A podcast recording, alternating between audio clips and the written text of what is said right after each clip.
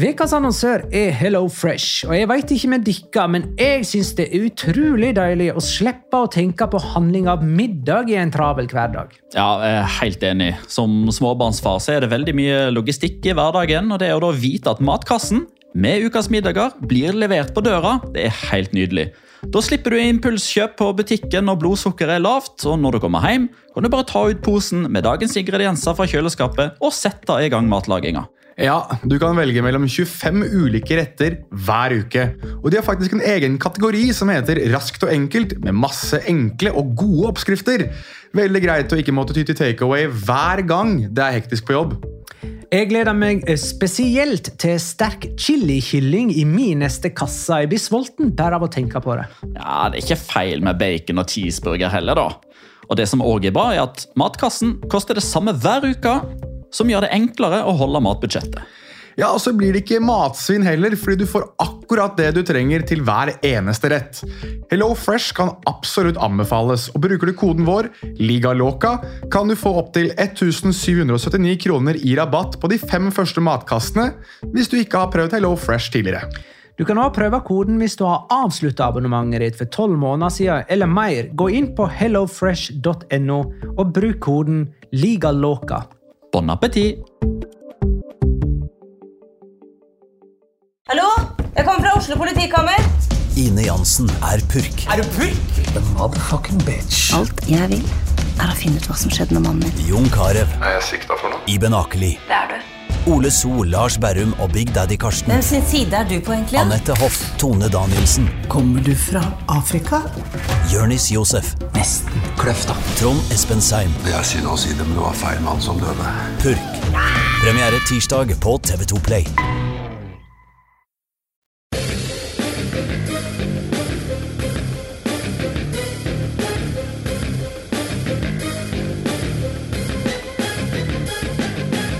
Har du sett? Ingen lag på nedre halvdel vant denne runden heller. Det var det bare topp sju-lag som gjorde. De fleste vinnerne måtte imidlertid snu oppgjøret sine og sleit store deler av kampene, men ikke Real Madrid, som inviterte Valencia inn i sin egen leikestove. La liga loca. En litt gærnere fotball. Ja, ja, ja. Dette er La Liga Loca episode 270 av det ordinære slaget, med Jonas Giæver en plass i Oslo sentrum. Hei. Hallo! Og Magnar Kvalvik en annen plass i Oslo sentrum. Hei. Halla, Magnar. Hei, ja. Petter er en plass i Berlin. Har jeg forstått? Ja, han øh, Jeg tror han har en sånn form for øh, friuke øh, på arbeid, så da har han tatt med seg familien øh, og dratt til Berlin.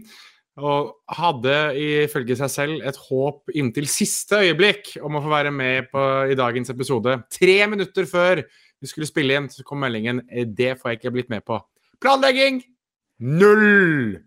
Hm, nei, uh, det gikk ikke. Det er derfor vi ikke sitter i et studio, men eh, kjører videosamtale, jeg og du, da. Uh, for det var det som var tanken i utgangspunktet. Uh, men i tillegg til det jeg nevnte i vår introduksjon, i min introduksjon sågar, så eh, var det jo dårlig nytt for nordmenn i La Liga denne helga her. Sevilla-derbyet gikk stille føre seg, og Girona er fremdeles serieleder. Eh, vi skal gå gjennom runden, vi skal kåre rundens spiller, vi skal plukke hver vår locora, og vi skulle vel egentlig ha fått en sjøltillitsknekk av Petter i Spørre-Petter, men det Det slipper vi da. Tre, minutter før, så fikk vi vite at den utgikk. Veldig bra. Godt jo, jobba! Er ikke det greit, da? Så, så slipper vi å bli helt satt ut av oppgaver der vi skal ramse opp eh, 14 navn eh, og kan tre av dem. Jeg fikk faktisk en melding av eh, Mikael Bjerka på Twitter, som sa at han er kjempefan av Spørre-Petter og vil egentlig at de skal vare enda lenger. Eh, at han syns det er veldig gøy at de, at de tar tid, for at da får lytteren lov til å være med og tenke og liksom slå oss to. Eh, så tydeligvis så er det et konkurranseelement i det som vi kanskje ikke tenker så mye på. Tror mange lyttere har sleget oss to uh, i. Spørre Petter-spalta uh, denne sesongen. Uh, men det det blir ikke noe sånt i dag, da. Nei, for det er noen som er i Berlin og sier ikke ifra før tre minutter før innspilling. Runde 13 eh, gikk føre seg som følger, eh, kamp for kamp. Eh, Atletic Klubb Celta Vigo 4-3. Her var det 0-1, 1-2, 3-2 og 3-3 før det hele ble avgjort med et straffespark i det åttende tilleggsminuttet. Du skal inn på Rayo- etterpå, ikke sant? Vi skal inn på den. Ja, bra. Eh, Rayo Vallecano Girona 1-2. Eh, For femte gang denne høsten snur Girona et oppgjør, og etter nok en runde er de alene på tabelltopp, og nå kan de nyte det en stund òg, ettersom det er landslagsveka. Almeria Real Sociedad 1-3. Eh, Det går på skinner i Champions League for Real Sociedad. Der er de allerede videre fra gruppespill og greier, men i ligaen så var dette bare deres andre seier på de siste fem kampene. Granada Getafe 1-1. Getafe har sju seriekamper på rad uten tap. Seks av de er uavgjort. Granada på sin side har ti strake seriekamper uten seier. Osasuna Las Palmas 1-1. Eh, Las Palmas er det beste nyopprykka laget. De er på niendeplass. Stemmer det, Jonas? At de er på niendeplass? Eh, for nå tok jeg det egentlig bare ut av eh, hodet. De er, faktisk, de er ikke på niendeplass, de er på åttendeplass. Til og med med elleve poeng ned til nedrykksstreken. Det stemmer også, sant? Du dobbeltsjekka det, og du? Jeg kan gjøre det med en gang. Skal vi se. Arias Pavas har 18, og førstelag på nedrykk. Celta de har eh, Sju. Se, de har syv, ja. Riktig. Yes, yes, yes. Men skulle du si noe her nå? Ja, jeg synes, for jeg veit at disse kampene skal vi ikke inn på. Eh, jeg syns Det det, var litt sånn jeg synes det var litt gøy at eh, La Liga valgte, når de skulle da ha en sånn doubleheader med at det gikk to kamper samtidig, så valgte de Osasuna Las Palmas og Granada Getafe. Det er liksom Du kunne ikke få det mer eh, anonymt enn de to. Nemlig. Eh, også eh, Siden vi ikke skal nærmere inn på Osasona Las Palmas etterpå, så tar jeg eh, den her og nå. Eh, for Mikael Bjerkan spør er Alvaro Valles La Ligas beste keeper, eh, og svaret akkurat nå er faktisk ja. Og dermed så nominerer jeg han til rundens spiller. Oi! Han hadde et par praktredninger, nemlig. Og Philip Falk lurer på om etter det som skjedde på El Sadar, burde målteknologien komme tilbake? Eh, og det Philip Falk da tenker er kanskje om målteknologi i det hele tatt burde komme eh, til La Liga, for det har jo aldri vært. Nei. Men det var en ball der som var fryktelig nære helt inne. Ja da, det var det. Uh, og yes, for øvrig er jo en, en, en annen situasjon, en annen kamp, der vi kanskje skal inn på etterpå, der man muligens hadde sesongens redning på strek. Men jeg, jeg synes likevel at eh, du, jeg, du ser spørrende på meg nå, jeg tenker på Florian Lejeune, som hadde en helt enorm redning på strek vel mot uh, mot Girona, hvis jeg ikke husker helt feil. Ok, ok, greit. Um, men, uh, men altså Det er jo en av de tingene vi har diskutert ganske mange ganger. Dette her med hvorfor mållinjeteknologi ikke har kommet til La Liga. At de heller bruker litt sånn VAR-kameraer for å prøve å finne ut av det. Og så klarer de aldri helt å komme med noen sånn gode konkluderende svar uansett. Ja, Så- noen ganger kan det det, men denne var vanskelig. Her var det snakk om millimeter av et eller annet. Eh, og eh, ja, Alvaro Valles redda. Det ble redning, det. Og da ble han rundespiller. Mm. Mhm. Ja, da ble han rundespiller. Da fortsetter vi med runden eh, kamp for kamp. Eh, Real Madrid-Valencia 5-1. Eh, Real Madrid prøver så godt de kan å holde følge med Girona, og Valencia står ikke i veien for, de, for å si det sånn. To mål av både Venicius Junior og Rodrigo sikrer storseier. Barcelona Alaves 2-1. De fleste som møter Barcelona for tiden, bør lede ca. 3-0 etter halvtimen, inkludert Alaves. Men de leder bare 1-0 før Lewandowski våkna fra dvalen med to mål etter pause. Sevilla Real Betis 1-1. Vi trodde vi skulle få et forrykende oppgjør, men glemte at i La Liga spiller Sevilla bare uavgjort under Diego Alonso. Og Atletico Villarreal 3-1. Atletico vant sin 15. 13. heimekamp på rad i La Liga for første gang i sin historie etter mål av Witzel, Griezmann og Lino. Mallorca-Cádiz har ikke vi sett. Går den på onsdag, og veit du i så fall hvorfor? Uh, jeg vet hvorfor. Uh, jeg ble litt usikker på når den spilles. Nei da, den spilles ikke før 29.11. den. Da har det funnet oh, plass til den. Det, var det er en helt annen onsdag. Mm, det, er, eh, det er lenge til det nå. Uh, de har landslagspause, de òg, men de har liksom fått, fått den dytta inn et sted. Men det er kanskje da det skal spilles. Jeg gjetter på at det er Champions League som spilles den der dagen der, og at de har fått inn en ligakamp der. Eh, grunnen Grunnen er jo fordi eh, Vedat Morici skulle ikke spille den kampen Altså, han rakk ikke å være med på den kampen, her, for han ble kalt inn til det Kosso Hva blir det for Kosso? Jo, de møtte Israel, ja. Mm. ja. Så da ba Mallorca om å få kampen utsatt, fordi de mente at de hadde god nok grunn til det med tanke på at han var tatt ut på landslag, og at de da ble dermed betydelig svekka. Det sa La Liga seg enig i, og utsatte kampen. Veldig bra, Jonas. Det er derfor du er her. Uh, nå Vi skal begynne.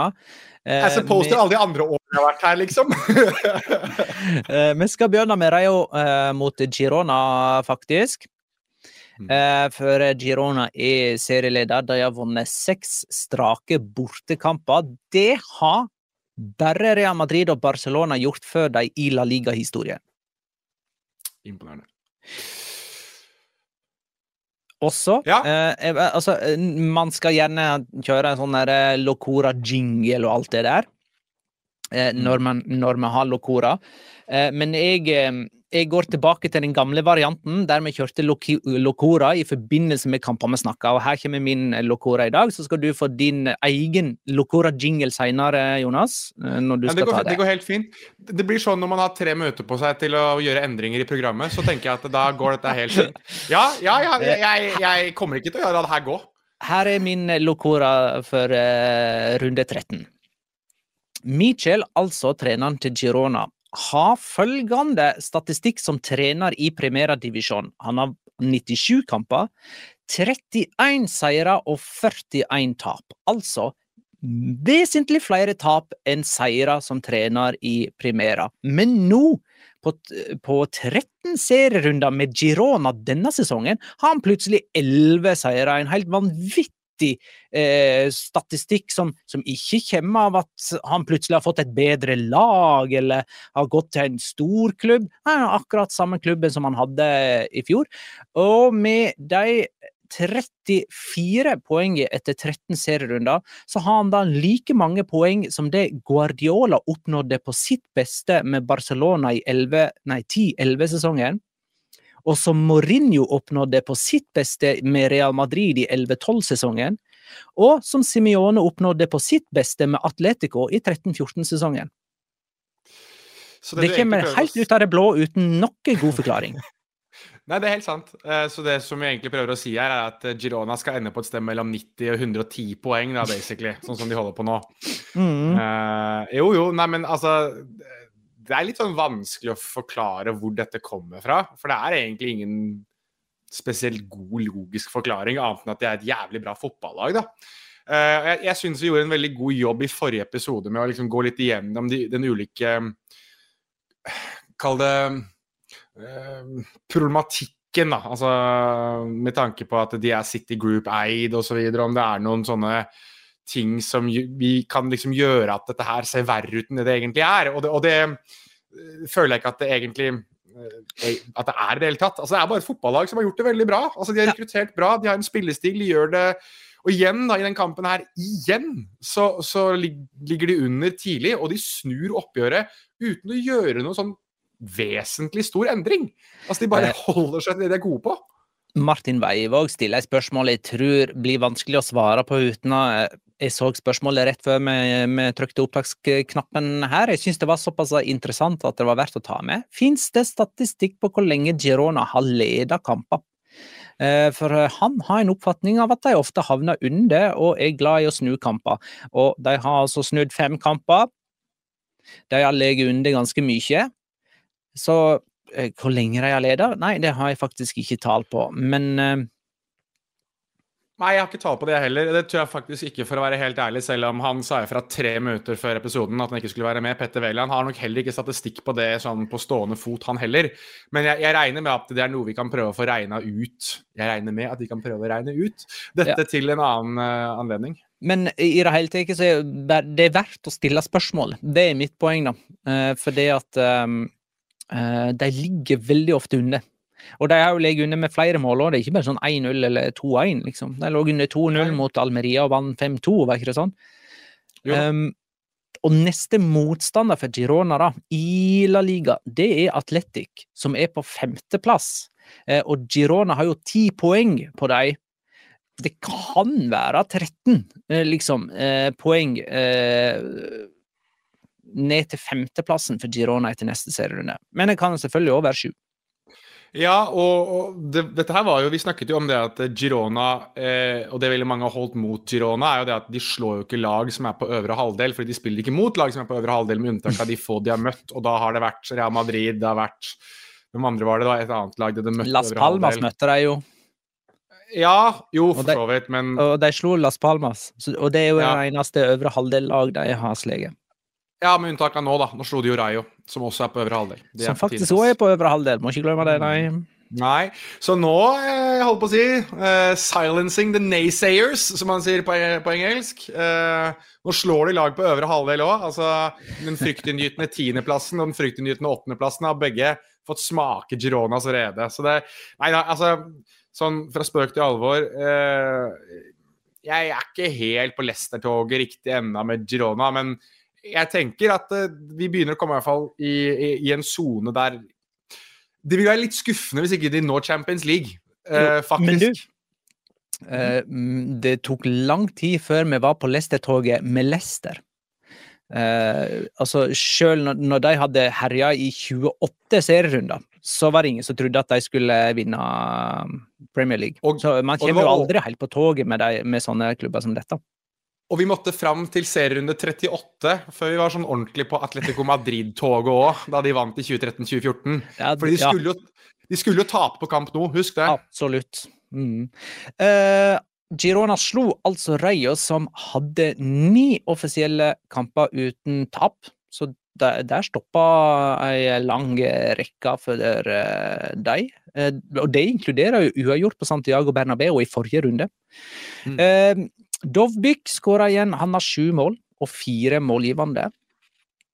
Og jeg tror det stemmer at bare Bellingham har flere poeng, målpoeng med ti mål og to målgivende, altså tolv målpoeng, mens Dovbyk har elleve. Men nå kan det Den la seg før Grismann skåra for Atletico, og muligens hadde, Jo, han hadde en målgivende òg, til Witzel, så det kan ha skjedd ting der. Jeg kan sjekke noe med en eneste gang. Uh, skal vi se Og så kan jo jeg, mens du sjekker uh, Rayo slo to ulike serieledere forrige sesong. De slo Real Madrid da de var serieleder, og de slo Barcelona da de var serieleder. Men Girona denne sesongen de ble for store, gitt. Nå kan vi hoppe videre. Jeg har svaret, hvis du vil ha det. Ja. Uh, Arten Dovbyk har syv mål, fire målgivende. Antoine Griezmann har åtte mål, én målgivende. Altså Dovbyk har to mer. Mm. Men vet du hvem som er uh, altså Bellingham er den du var inne på som har mest. Han har da ti mål, to målgivende. Vet du hvem som er etter Dovbyk? Altså som har oh, ja, Så det er ikke Griezmann, nei. Kan det være nei. Morata, det, eller? Uh, eller Gerard Moreno? Det er ikke Gerard Moreno heller. Hei! Joe Moreno har ni til sammen. Denne personen her har ti målpoeng. Altså han har syv skåringer og tre målgivende. Jeg hadde aldri trodd at han hadde hatt så mange. Vi skal, vi skal sikkert innom han litt seinere i episoden, men jeg, jeg rett, altså Dette er fra BBC, så jeg vet ikke. Eh, og Hadde Petter vært der, så hadde han hylt og skreket om at den ene skåringen sikkert ikke var skåring likevel. Men eh, det er Og der har du hintet ditt, for øvrig. Men eh, jeg er overraska over at han har syv mål og tre målgivende. Der tar jeg du. Robert Lewandowski. Ja, OK. Ja, det kom jo um, to nå. Eh, for Barcelona de slo nemlig Alaves med 2-1. Lewandowski skåra to mål, men hvor mange mål burde Samu Omorodion ha i denne kampen? Han sendte jo Alaves i ledelsen, men eh, Ja. Samu Omorodion, han burde ha skåra i hvert fall tre. Altså sånn oppriktig. Før halvtimen, sånn cirka. Før, de, før 15 minutter var spilt, Magnar. Altså, han var, han var altså et godstog av en spiss mot, uh, mot Barcelona på Altså, han brukte var det 17 sekunder han brukte på å skåre 1-0. 18, sier Pedrito Numeros. Um, og de to raskeste målene i La Liga denne sesongen har begge kommet mot Barcelona. Uh, Brian Saragossa skåra etter 17 sekunder, og Samu Omerodion etter 18. Dette var på Montjuic, da. Dette var, jo, dette var, jo, på Barcelonas hjemmebane. Brian Saragossa ja. gjorde det jo gjorde det jo i Granada. Så det er ja. jo liksom sånn, bare for å sette det litt i kontekst òg, at jeg syns nesten Omorodion sin prestasjon er jo da enda sterkere. Uh, men ja, altså Det som er med Omrodion, da, har jeg tenkt, tenkt, veldig mye på hva slags type spiss er dette. For sånn bevegelsesmønstermessig så er dette Diego Costa. Altså Han gjør akkurat de samme tingene som Diego Costa pleide å gjøre. Det er helt makalaust å sitte og se på hvordan han nesten ser ut som Diego Costa opp av dage.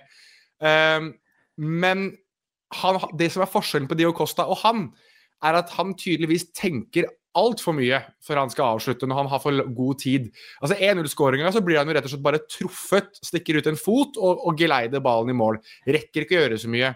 Men når han er igjennom alene med keeper osv., så, videre, så har han de merkeligste og mest finurlige avslutningsteknikker som gjør at ballen ikke engang treffer mål. Og det er det som er forskjellen på han og Dio Costa. Dio Costa hadde hatt det hat tricket, han, etter 15 minutter.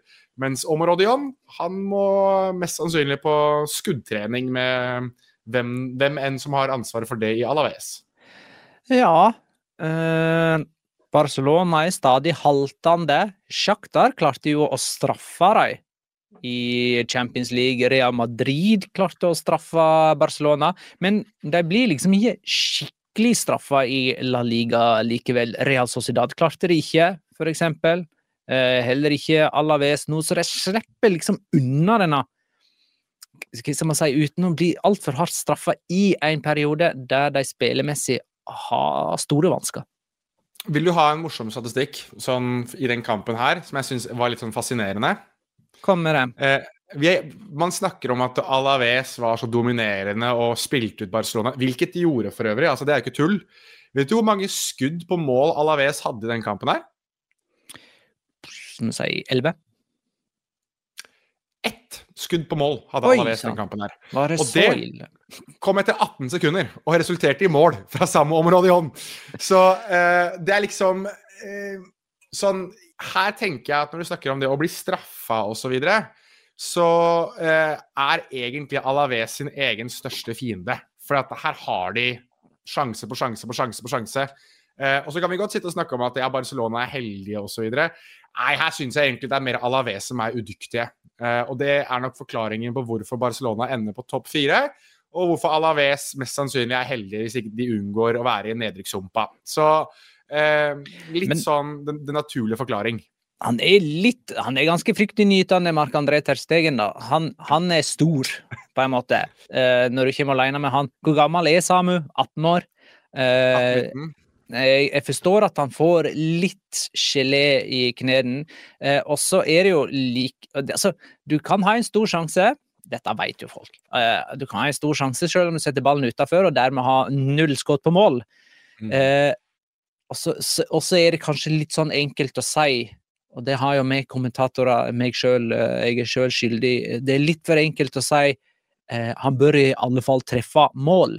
Eh, for altså det er jo en smal sak hvis han bare prøver å treffe mål. Det klarer jo alle. Da, da du, du, er ikke nødvendigvis nærmere skåring ved at du har ballen mellom stengene. Hvis du sender den rett på keeper, så er ikke, er ikke det noen stor sjanse. Setter du han like utenfor stolpen fordi at du faktisk prøvde å sette han i hjørnet, så ja. Problemet er vel heller med Omorodion er at han har ikke noen god avslutningsteknikk. da. Altså Det har vi jo sett i andre kamper òg. Ja, der har han sikkert noe å, å gå på, ja. Men, men, gud hjelpe meg for en kraftpakke han er, da. Altså, han, mhm. han, kasta rundt på Jules Condé på et tidspunkt der. Det så ut som Altså, det var jo rene brytekampen. Altså sånn, og det var ikke feriebrytekamp heller. Det var som en tungvekter mot en fluevekter på et tidspunkt der. Det var altså pinlig for Julius Condé sin uh, Altså, han må jo altså, De var jo så ille at denne kommentatoren som er på pitchside i, for La Liga TV, som jeg egentlig ikke skjønner hva annet gjør enn å komme med veldig sånne selvfølgelige observasjoner Han kom med en observasjon som ikke var så selvfølgelig. At det rett og slett ble hylt fra Barcelona-benken om at ja. Araujo og Condé måtte bytte. Altså, de måtte bytte altså, Slutt, vi kan ikke, vi, kan ikke vi klarer ikke det her noe mer. Bytt dere to. Og der ble Områdion litt mer rolig. Ja.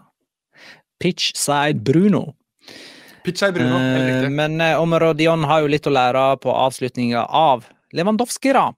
Eh, for altså, Det som har vært problemet kanskje til Lewandowski så langt i sesongen, at han har ikke kommet til så mye, mm, til så mange avslutninger, har ikke kunnet bidra så veldig mye. Men når han liksom får avslutningsmuligheter, han, så, så Altså, han er jo på en måte den typen som kan glimte til i et lite øyeblikk og avgjøre en kamp.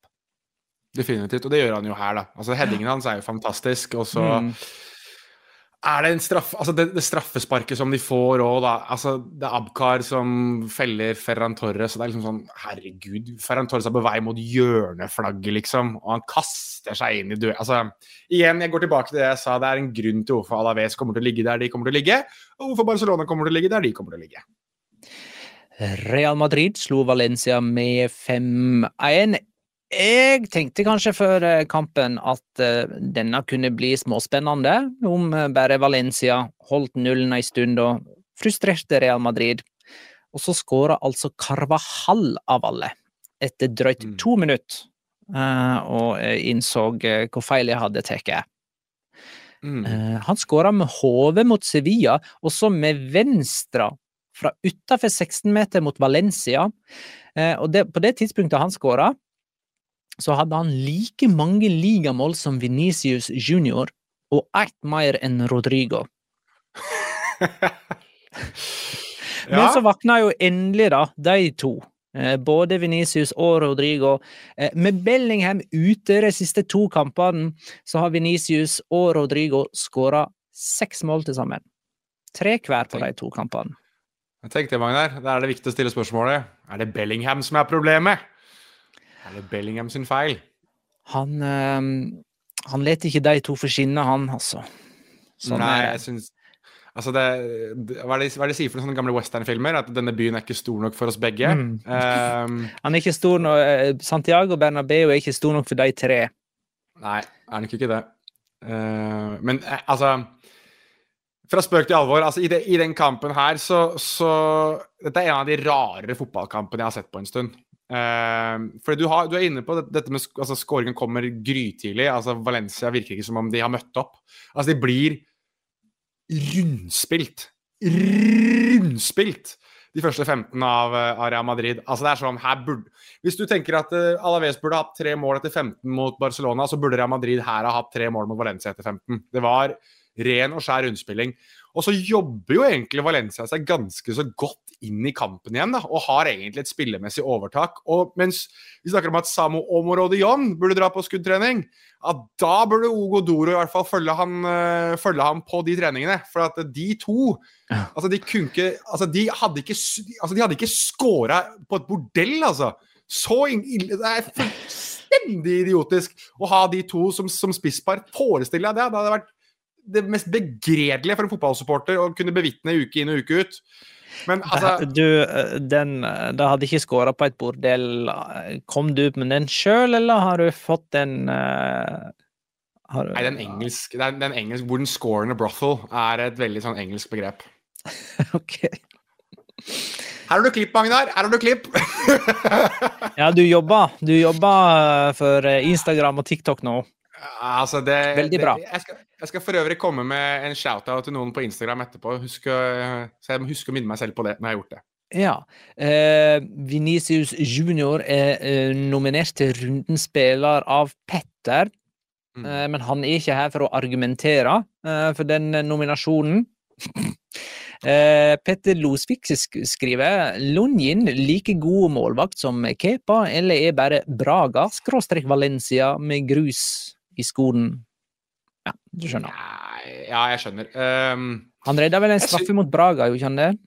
Gjorde det òg. Og jeg, jeg syns, uh, syns André Lonin er en veldig god keeper, jeg, da. Um, og egentlig litt for god til at han skulle være hva blir det, tredjevalg i Real Madrid. Altså sånn, Nå er det jo andrevalg, da.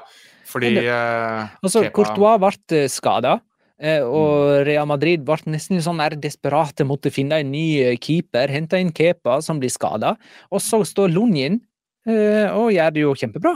Det, altså, man Kjempe. lurer jo nesten litt på eh, hvorfor var det så innmari hast? Nei, altså Jeg tror nok det har noe å gjøre med keeperbredde, da. At du nødvendigvis Altså, du gjerne ville hatt to keepere som kan konkurrere. Men jeg syns jo det er litt sånn rart at det ikke det er Lonin som får sjansen, og så er det heller en keeper som er kanskje hakket dårligere enn Lonin igjen, da, som hadde kommet og blitt lånt inn, istedenfor at man henter inn Kepa Rizabalaga fra benken til Chelsea. som Altså, jeg syns Kepa, Kepa i Atletic Klubb var veldig god, og så vet jo alle hvordan Kepa har sett ut i Chelsea. Um, jeg syns det er litt sånn rart at Lonin ikke på noe som helst tidspunkt blir satsa på. For han var jo en del av det der, husker du da Real Madrid skulle hente alle de største talentene i verden og liksom fostre de opp til sitt eget sånn Galacticos-lag i framtiden. Da var jo Lonin keeperen som var ment for det laget der. Dette er jo også da de hentet Martin Ødegaard og Jesus Vallejo og en del andre Marcos, eller Marco Ascensi osv. som skulle være en del av Mm. morgendagens stjernelag. Eh, Jeg syns det er litt rart at når de kanskje får muligheten til å i hvert fall prøve seg med den keeperen, så virker det som de bare nekter å gjøre det. Sist Valencia vant på Santiago Bernabeu var i 2008, og da var Baraja eh, på banen. Eh, de har nå 16 ligakamper uten seier på Santiago Bernabeu. Men det er jo det mange Aris- som har tung, tunge rekker der. da. Aris, Mendy som ble matchvinner? Det må det være, vel, for Valencia sin der. tror det ble 3-2. Ja, Aris Mendy var vel der, han? jeg vil nesten tro det. Men jeg Det er lenge siden, og Ja, det er lenge siden. jeg, og jeg syns ikke Valencia altså, Den kampen her, så syns jeg altså, det, Dette er ikke en 5-1-kamp. Det må jeg bare få sagt. Det er ikke en 5-1-kamp. Altså, det er flatterende, det resultatet. Um, jeg syns ikke Valencia ser så dårlig ut i den kampen her, sånn egentlig. Det er en veldig rar fotballkamp. Hadde, hadde, hadde tre av de målene blitt skåret innenfor de første 15 minuttene, så hadde jeg skjønt det. Men altså, skåringene kommer etter 3 minutter, 42 minutter, 49 minutter, 50 minutter og 84 minutter. Eh, jeg vil si at eh, tre av de fem skåringene kommer i ganske gode Valencia-perioder. Som er litt sånn rart, men, men samtidig det, eh, det sier jo igjen, da, for å gå tilbake til det, det jeg snakket om om Valencia, nei, om Alaves og, og Barcelona Det er en grunn til at Real Madrid ender der de ender, og Valencia ender der de ender. Klink nedrykk. Eh, Atletic Klubb Celta Vigo endte altså 4-3 på eh, Balaidos Uh, for en kamp jeg gikk glipp av der. Sesongens Altså- kamp, eller? Ja, det er tett opp mot Og jeg må få, jeg må få sagt det. Altså, det er vanskelig. Det er, det er, dritkjipt av meg å le, men altså, Rafael Benitez kan ikke Altså, han, han kan ikke vinne, han. Han kan ikke vinne fotballkamper. Det er altså uansett Her får han til og med Jago Aspas til å skåre. Til og med Jago Aspa skårer her. Og det hjelper ikke. Så det, altså, mannen er forheksa. Eh, Roar med skarre R spør er Celta Vigo et eksempel på at tabellen kan lyge. Ja, her er de det. Nå, nå er de det. Det må jeg få sagt. Men det virker så Altså eh, nå, Jeg så jo ikke kampen og så høydepunkt eh, i etterpåklokskapens lys, ikke sant? Um, Celta Vigo utligna vel til 3-3, de- for de lå under 3-2, sant? Eh, og ja, det var vel Det var vel faktisk pleier, det. Jørgen Strand Larsen som utligna til 3-3. Eh, og da jubla de jo. Og da tenker jeg sånn Nei, men har ikke dere lært enda da, Celta Vigo-spillere, at deres kamper er et mareritt? Eh, er ikke det bare å egentlig holde seg fra øynene og bare kvie seg til det som kommer i overtiden uansett? For det går jo alltid ad undas i overtiden for eh, Celta Vigo. Det. Eh, det, det er jo ingenting å glede seg over. Det er bare eh, ta den skåringen, senk hodet, gå tilbake til egen banehalvdel og kvir ikke til det som kommer. Ja, og for Jørgen Strand Larsen sin del så hadde han jo også en, nok en gang en skåring annullert av VAR. Eh, og han hadde jo også en sånn, da han endelig fikk skåringen sin godkjent, altså senere i kampen med en annen anledning, så hadde han jo en sånn VAR-tegnskåring som jeg syns var litt sånn Nå tror jeg han begynner å bli drittlei. ass. Jeg tror Jørgen Strand Larsen begynner å bli så inn i helvetes lei av VAR. Og det skjønner jeg. Var det derfor han holdt seg for Øyreden? Eh, nei, det var vel heller mer det at han gjorde liksom VAR-tegnet, og så liksom sånn hmm. så, altså, hva gjør jeg? Altså, hva, hva, skal jeg gjøre, liksom? Altså, uansett så blir det annullert, men i det tilfellet her så hadde det jo ikke Ville jo ikke VAR hatt et bein å stå på. Men eh, jeg kjenner at Vi trenger ikke å gå inn på den diskusjonen nå, men jeg kjenner at jeg begynner å bli litt sånn lei av uh, sånn lange lange VAR-pauser og sjekking og piss og møkk. Altså Enten får skåringene stå, eller så får de ikke stå. altså. Um, Petter uh, var jo på en måte helt overbevist om at uh, Rafa Benitez eh, ryker som Celta Vigo-trener med tap mot Atletic rett før landslagspause. Da man liksom har tid til å ta disse her eh, store endringene. Eh, men kan man overleve i sympati? Ja, det, altså Den kampen her, da. altså For å si det sånn, jeg, jeg så hele andre omgang. Og jeg så hele første omgang, men jeg så det i revers fordi jeg jeg måtte se førsteomgangen dagen etterpå, for jeg hadde vært ute. Og eh, det som Ja, det var veldig rart. Jeg, det er en av de få gangene jeg har måttet se andre omgang og så se første omgang. Men eh, eh det som slår meg i, i disse kampene til, eh, til Celta, er jo det at de har egentlig et veldig imponerende angrepsspill, og så er de egentlig ganske porøse bakover. Um, og så har de null flaks. Altså, de har null flaks. Men i den kampen her så så føler jeg liksom at det, det er en scoring åtte minutter på overtid liksom i andre omgang som gjør at de sitter igjen med ingenting på samme mm. mes. Det er ett poeng på samme mes for deres del hadde vært så perfekt. Og det er liksom Det samme kan du si om da de spilte på Montjuic også. Altså Det er en sene skåringer for Barcelona som gir de seieren over Celta. Uh, så, så jeg syns at de har fått ekstremt dårlig betalt, til tross for at de er ikke spillmessig så ekstremt dårlig, egentlig. Men nå tror jeg det sitter litt i huet på spillerne òg, altså. Nå tror jeg det er sånn Å nei, nå skjer det igjen. Altså, ball inn i boksen på overtid i andre omgang. Here we fucking go. Ikke sant? Det, jeg, jeg, tror det er blitt litt sånn nå. Du har en uh, Runden spillernominasjon her, du.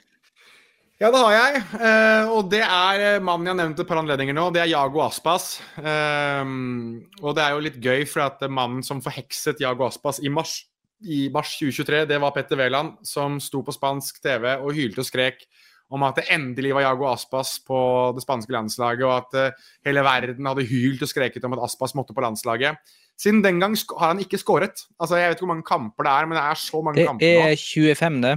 25 kamper på rad da Jago Aspas ikke fant uh, veien til nettmaskene siden Petter Wæland hyllet ham på spansk TV.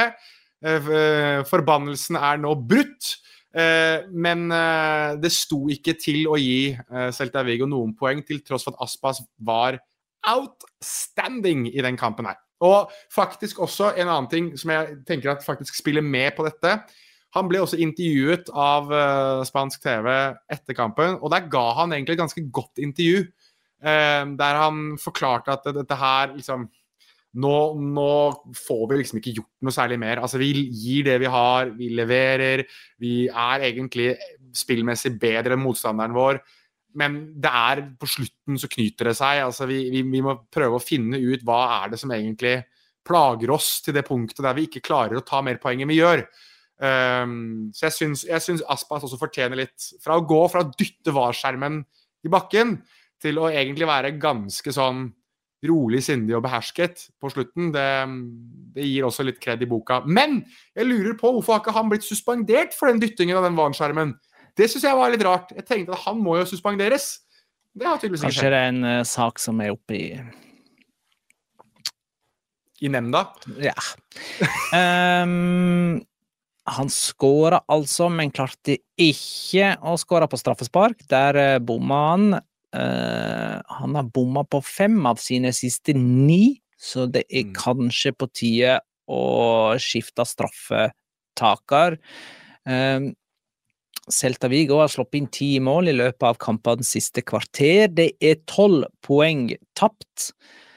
Uh, og de har sin dårligste sesongstart siden 1985. Uh, Celta Vigo er et av de tre nederste lagene som til sammen har 17 poeng. Det er den minste poengsummen et bunnetrio noen gang har hatt etter 13 serierunder i Primera Divisjon. Bare nevner det. Uh, mens Men du Det må en, en ting. ja. En ting. 85, var det du sa? 1984-1985? Eller var det Nei, jeg 85-86? tenker 85-86 da, tror jeg. Skal vi se. Gi meg to sekunder. Eh, oh ja, ok. Eh, vil du vite eh, Ok. Vil du vite hva som skjedde sesongen 1985-1986? Eh, det er jo da eh, tre lag som rykker ned. Har du lyst til å prøve Du klarer, du kan ta to av de. Det tredje tror jeg ikke du tar. Men vil du ta to av de tre lagene som rykket ned? Sier Celta Vigo og Recreativo Uelva. Nei, eh, Celta Vigo bånn sist. 14 poeng. Rett ned. Eh, så var det et lag imellom uh, Celta og det laget jeg tror du også kan klare å ta. Jo, men det blir jo eh, altså, det kan, være jeg sier, Saragossa, kan være Nei, De er i, de er i Primera nå. Levante Nei, ikke. Det er ikke. De er jo ikke i Eh, Primera. hm? De er jo ikke Levante Nei, er jo ikke Primera engang. Uh, nei Espanol? Nei, det var det ikke. De er heller ikke Primera! Fy faen. Eh, Tenk nå! Nedrykk. det kan være Sevilla, det kan være Real Betis, det kan være um, Rayo Vallecano. Nå, til, til de som nå hører podkasten, og som ikke ser Nå peker jeg på meg selv. Valencia, kan det være? Ja! Valencia rykket ned som nummer Den gangen var det 18 lag i Primera. Som nummer 16 av 18. Så Men, rykket Valencia ned. Laget mm. mellom dem var Ercoles, for øvrig. Å ja. Eh, det er greit. Skal vi se Jeg må bare få sagt at eh, sesongstarten til Atletic Klubb ikke ser så verst ut nå, da. Eh, for nå, nå har de begynt å bli liksom enda bedre enn forrige sesong. Så fram til nå så, så har de egentlig ligget på forrige sesongs uh, skjema. Men nå er de litt bedre enn det, og har den beste sesongstarten siden 1993. Greit. Vi må videre til Atletico Madrid via Real, som altså endte 3-1 på Metropolitano. Um, ja, altså eh, Jeg har litt lyst til å begynne med via Real her.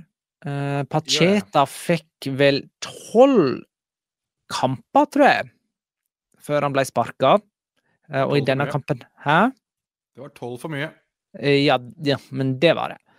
Han fikk tolv kamper, øh, og i denne kampen så var det altså B-lagstreneren, var ikke det det? Eller i alle fall eh, vikarierende trener. Veit du noe om Marcelino Garcia Torral er neste? Det Vi vet ikke 100% om eh, Marcelino blir nestemann, men man skulle tro det. Um, jeg syns det var litt gøy, fordi altså, alle spanske medier melder jo om at det er den de går for, og det er den de vil ha inn nå kjappest mulig. Um, altså, men jeg syns det var litt gøy, fordi Tempo de Juego, altså på radiokanalen Cadena Cope, de kom med at han har kommet med tre krav til Viareal for å bli gjeninnsatt som trener der, eller returnere til klubben. Og eh, punkt én og nå, Jeg vil at du skal legge merke til spesielt punkt tre her. Men punkt én et middels langt prosjekt, altså en kontrakt for resten av inneværende sesong, pluss to til. Helt OK. Eh, punkt to, han vil ha syv millioner euro i lønn. Så er ikke jeg en som vet veldig mye om hvordan lønninger er blant trenere i La Liga, men jeg gjetter på at det er en OK pluss lønn. Punkt tre, at de signerer en midtstopper og en midtbanespiller. Og da tenker jeg, hvis det er det du krever, og du ikke har sett keeperen, da lurer jeg på om ikke du skal slenge inn et krav til jeg, på en enda en posisjon du kanskje burde forsterke. Eh, ja, men da, da har han eh, i alle fall krav for hva som skal skje i januar, da. For han vil vel ikke vente til i, i sommer med den midtbanespilleren og var det en forsvarer? Midtstopper og midtbane? Mm. Nei, altså, jeg, han må jo Kanskje han allerede tenker at det er en keeper på vei, på vei inn. Jeg vet ikke, men, men hvis du ser via Real og tenker at ja, midtbanen og midtstopper, det, det er de to vi mangler mest av alt. Da har du ikke sett mye via Real, ass. Men hvis han blir klar, da, så tar han over tidenes dårligste Viareal i premiera. Tolv poeng på 13 seriekamper, så lite har de aldri hatt. Og her er egentlig eh, en liten locora. For det at et lag som spiller fotball slik Viareal er kapable til å spille fotball, at de skal bare ha tre seire på 13 seriekamper, én seier på de siste åtte. Jeg mener, se på skåringene de har mot Atletico, og den største sjansen de har mot Atletico. Det er jo blendende fotball, liksom.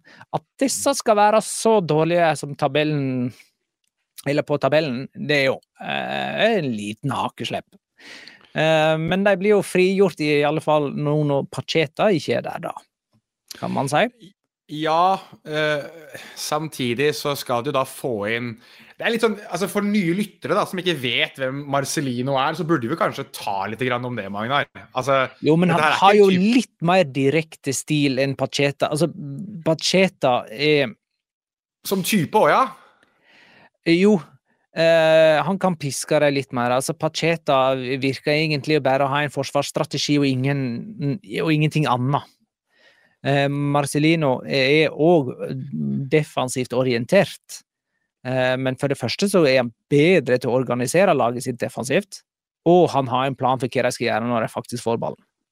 Ja, altså Dette her er jo eh, kanskje den mest klassiske 4-4-2-treneren i, i, La Liga. Altså Han er jo glad i 4-4-2. Og det er ikke bare sånn i lengderetning. altså Han, får, han bruker ofte midtbanespillere, altså sentrale midtbanespillere eh, på kantene og skal ha de til å trekke inn i banen så bekken kan overlappe osv.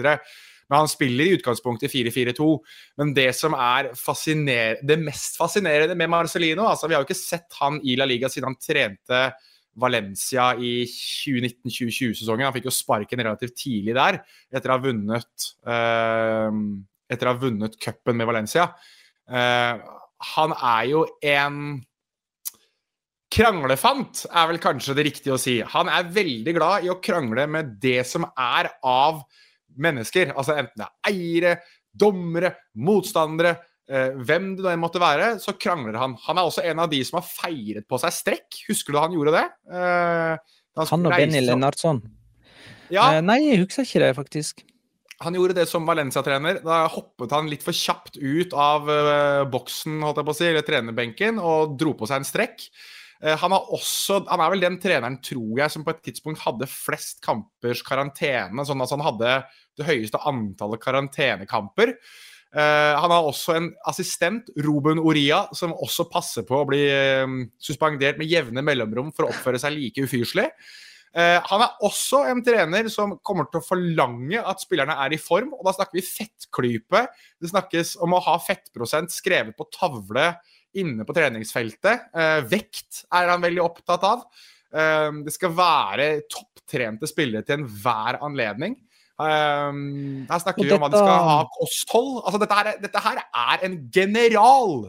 Alle, det høres jo ut som uh, bra for Norge, da. Uh, når Sørloth skal komme veltrent til de neste landslagssamlingene, men ikke akkurat denne. Den uh, førstkommende. Han Nei. fikk en strekk her og måtte ut med skade før pause.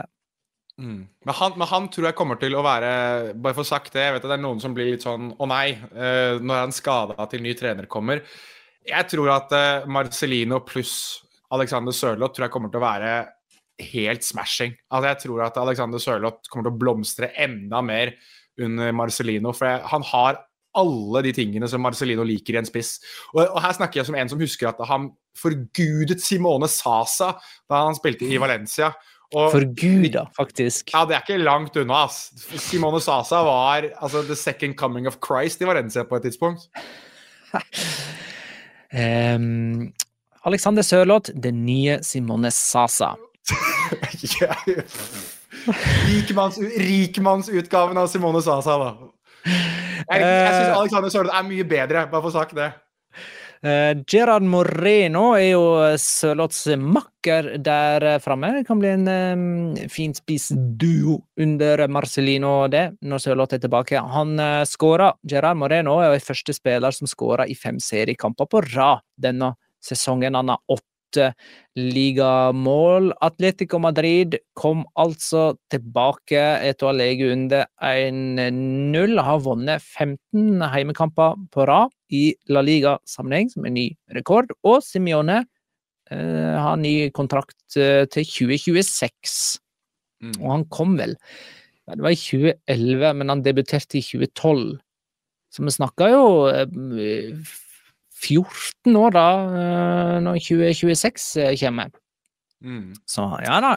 Er, er er han der Det er livet ut, dette. Det ser så Ja. livet ut ut.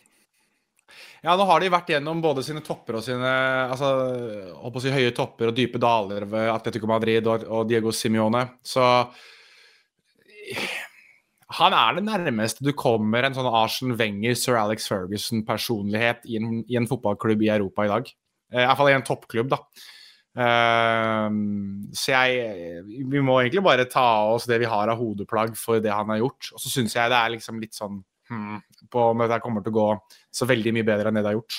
Arsen Wenger kom i 96, gjorde han det? Og så gikk han i Hvor lenge var han egentlig? Mm, 26. Ja, da er det Det må være lenger siden. Skal vi se. Arsen Wenger. Dette er et godt spørsmål, syns jeg. Eh, Han var ikke like Ferguson var i United i 26 år, vel? Ja, han, var, han Eh. er lengst. Eh, og så mener jeg eh, Wenger var et godt stykke Å, er det, er det så um, 96 til mindre, 2018. mindre enn eh, Altså, det er mindre tid siden enn jeg trodde. Så det er liksom det, det er de to store bautaene. Og så vet jeg at det var en eller annen trener i Montpellier eller noe sånt. er Var det ikke Giro? Er det ikke det han heter? Han som, satt, han som har rekorden for å sitte sånn 40 år som trener for en klubb eller noe sånt? Ja, gi meg. Men, hvis du skal sjekke det, så kan jeg eh, introdusere praten om Sevilla Real Betis, som var en eh, skikkelig nedtur, eh, sånn underholdningsmessig. Jeg har det, bare for å ta det. Jeg, nå blir jeg sånn nølete, jeg beklager. Eh, eh, Giro var trener for Auxerre fra 1961 til 2005. Da hadde han eh, Zinedine Zidane, da. Eller var det Bordeaux han var i? Han var i Bordeaux, han. Men han hadde, han hadde Jibril Cissé og Philip Mexes. Ah, ja, Men-. En annen ting, Magnar. Han hadde også et kort treneropphold i 2007 i din favorittklubb i Frankrike. Hva heter de? Eh, Lons Ding, ding, ding! Der ser du. Ayose um, Ayose Ayose Perez sendte Betis i ledelsen i Sevilla Derby i det 71. minutt. Iman Ivan Rakitic utligna med et langskudd i krysset bare sju minutter seinere.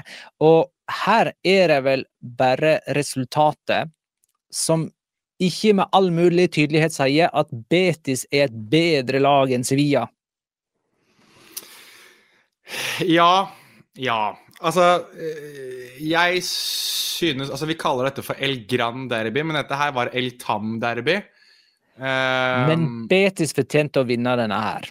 ja, Eh, Men ja. de har jo dette komplekset sitt, enten du kaller det et Sevilla-kompleks, eller bare generelt problem med å vinne de største kampene under Manuel Pellegrini. For uh, hør her, under Pellegrini, mot Sevilla, Real Madrid, Barcelona og Atletico, så har de én seier, ni uavgjort og 17 tap.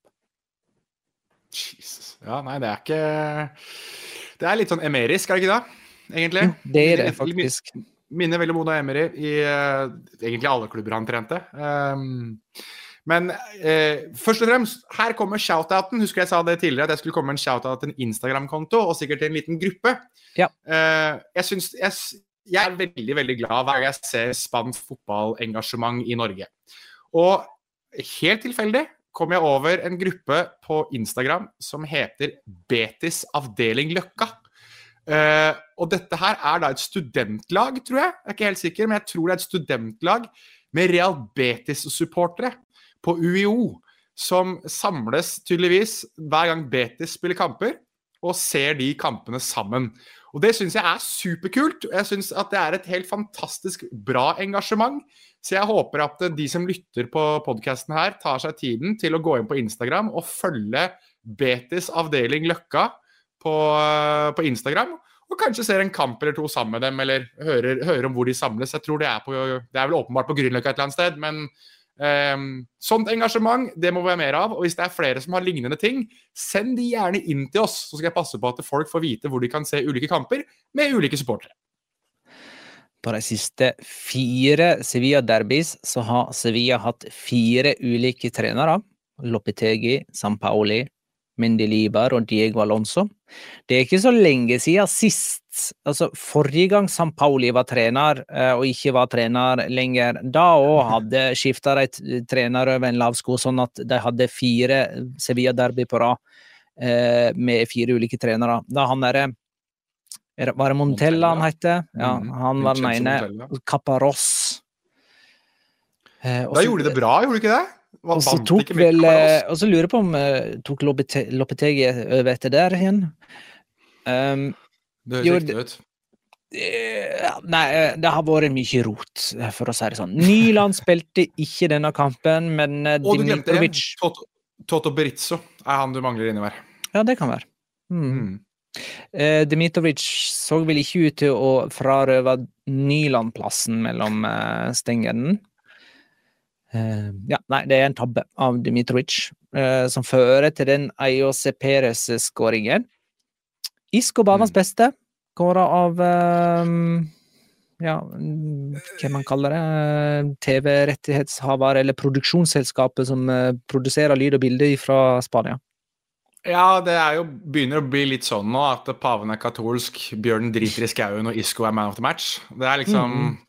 Han blir det hver eneste kamp, og med rette, da. I den kampen der så er han jo igjen. Altså Han er tilbake, det kan vi si. Altså, Vi har vært litt innom Kristus og sånt i løpet av denne episoden, her, men he is risen. Altså, Han er helt tilbake igjen nå. ass. Det er, det er litt som å se ham for uh, Malaga, og det er jo litt sånn gøy at det er jo samme trener, da. Uh, så det er liksom den hjemvendte sønn. Uh, så det er Vi får bare se om de finner Den hellige ånd, for nå har de både faderen og sønnen på Benito Villamarin. Ha. Store ord. Store ord. Uh, ingen Sevilla-spiller har skåra flere La Liga-mål på Betis enn Rakitic. Har, dette var hans femte, så han er jo liksom eh, deres go to guy i uh, dette derbyet. Nå har altså Sevilla fem uavgjort på rad i La Liga. Det er første gang siden 1964. Og så var vi inne på det at Betis de slår jo aldri Sevilla. Eh, Iallfall ikke gjort det siden 2018. På de siste ti nå så er det fire uavgjort og seks tap. Jeg hopper videre til siste kampen nå. Men var det sånn vi skulle ha flytende Locora? Ja, du vil ha din Locora i forbindelse med Sevilla-derby, så bare kjør på. Ja, altså Det er ikke så veldig mye forbindelse med Sevilla-derby. Sånn, det er jo heller i etterkant av Sevilla-derby som jeg syns er veldig gøy. Uh, og her viser jeg jo da min mentale alder, mest sannsynlig. Uh, men jeg syns uansett det var veldig moro, for dette intervjuet det ligger ute i videoformat på uh, Twitter.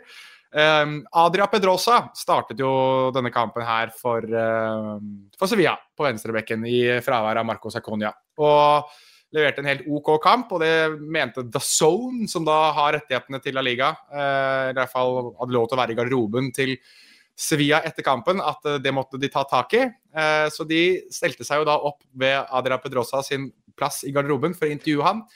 Eh, en nydusjet sådan, Adria Pedrosa tilsynelatende, håper jeg. For han hadde jo da undertøyet sitt hengende over eh, knaggen der de sto. Og, og der ser du da eh, det, det største bremsesporet du har sett noen gang i en underbukse.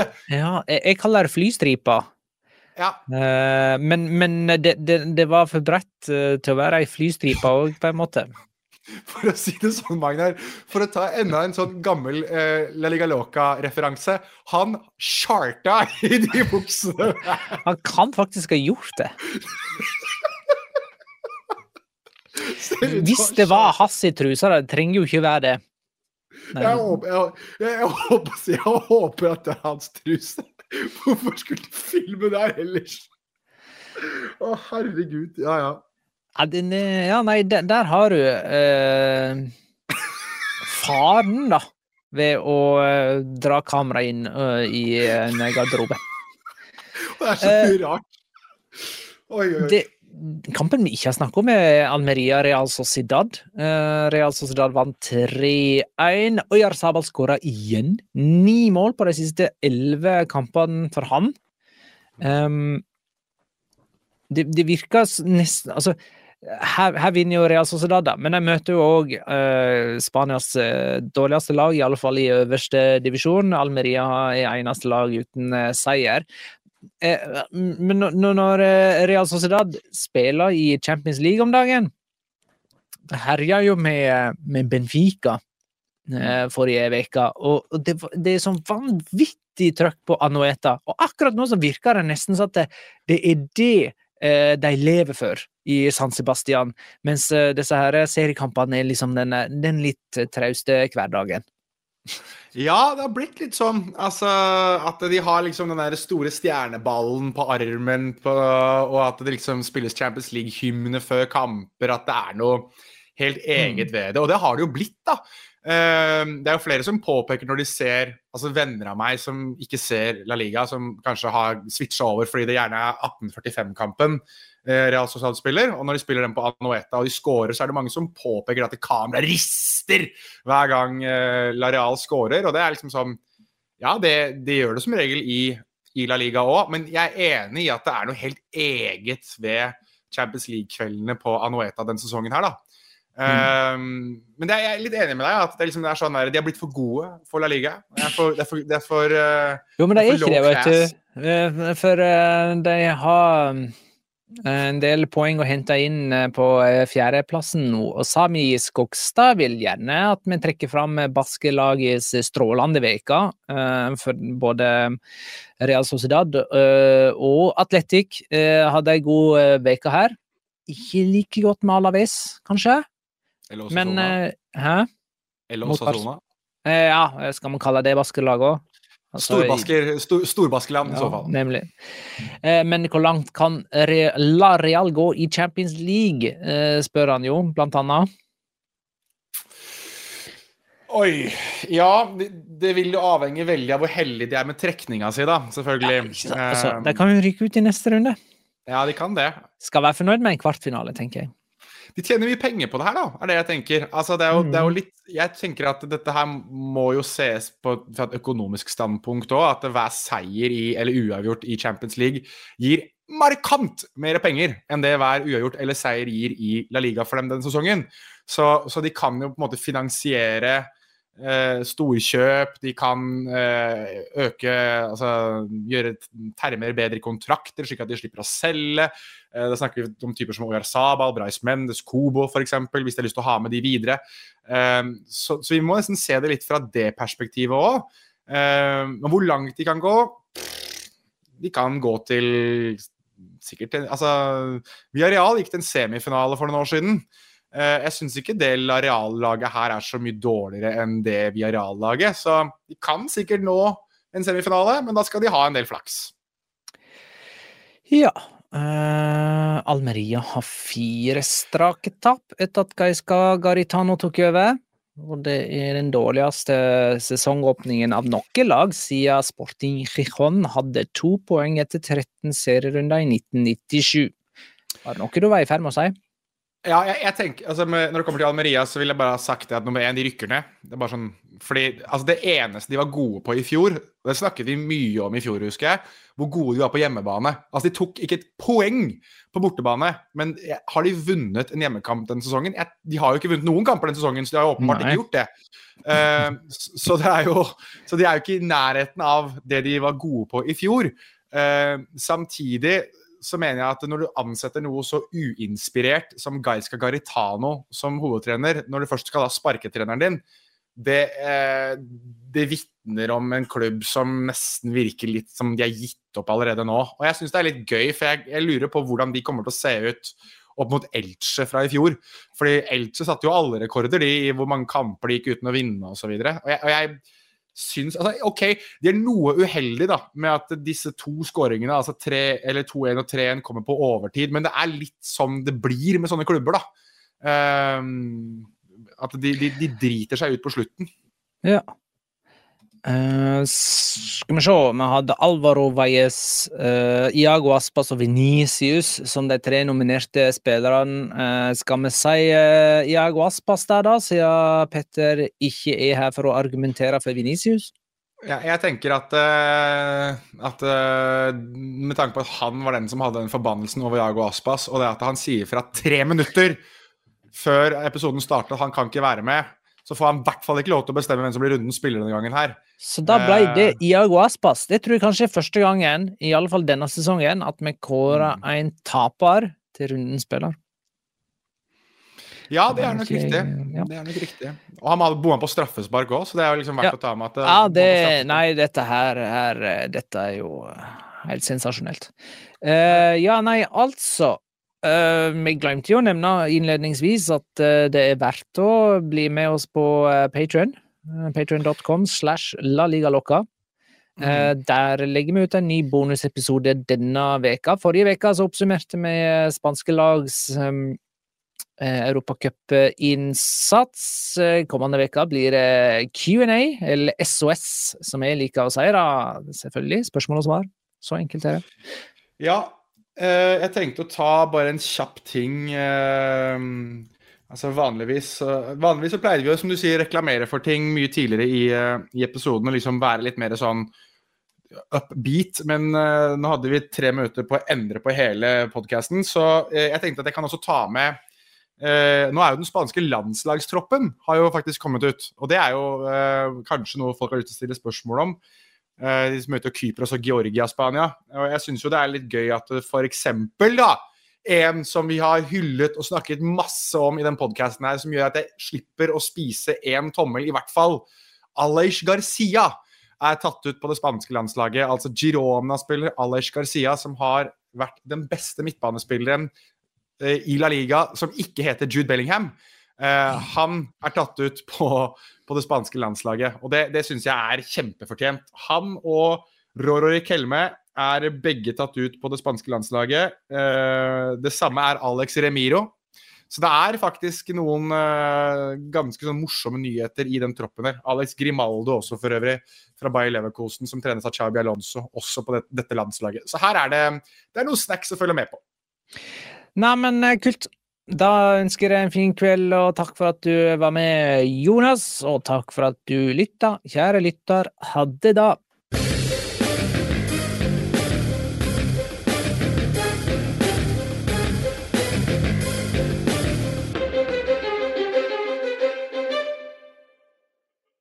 Har du et enkeltpersonforetak eller en liten bedrift? Da er du sikkert lei av å høre meg snakke om hvor enkelt det er med kvitteringer og bilag i fiken, så vi eh, gir oss her, vi. Fordi vi liker enkelt. Fiken superenkelt regnskap.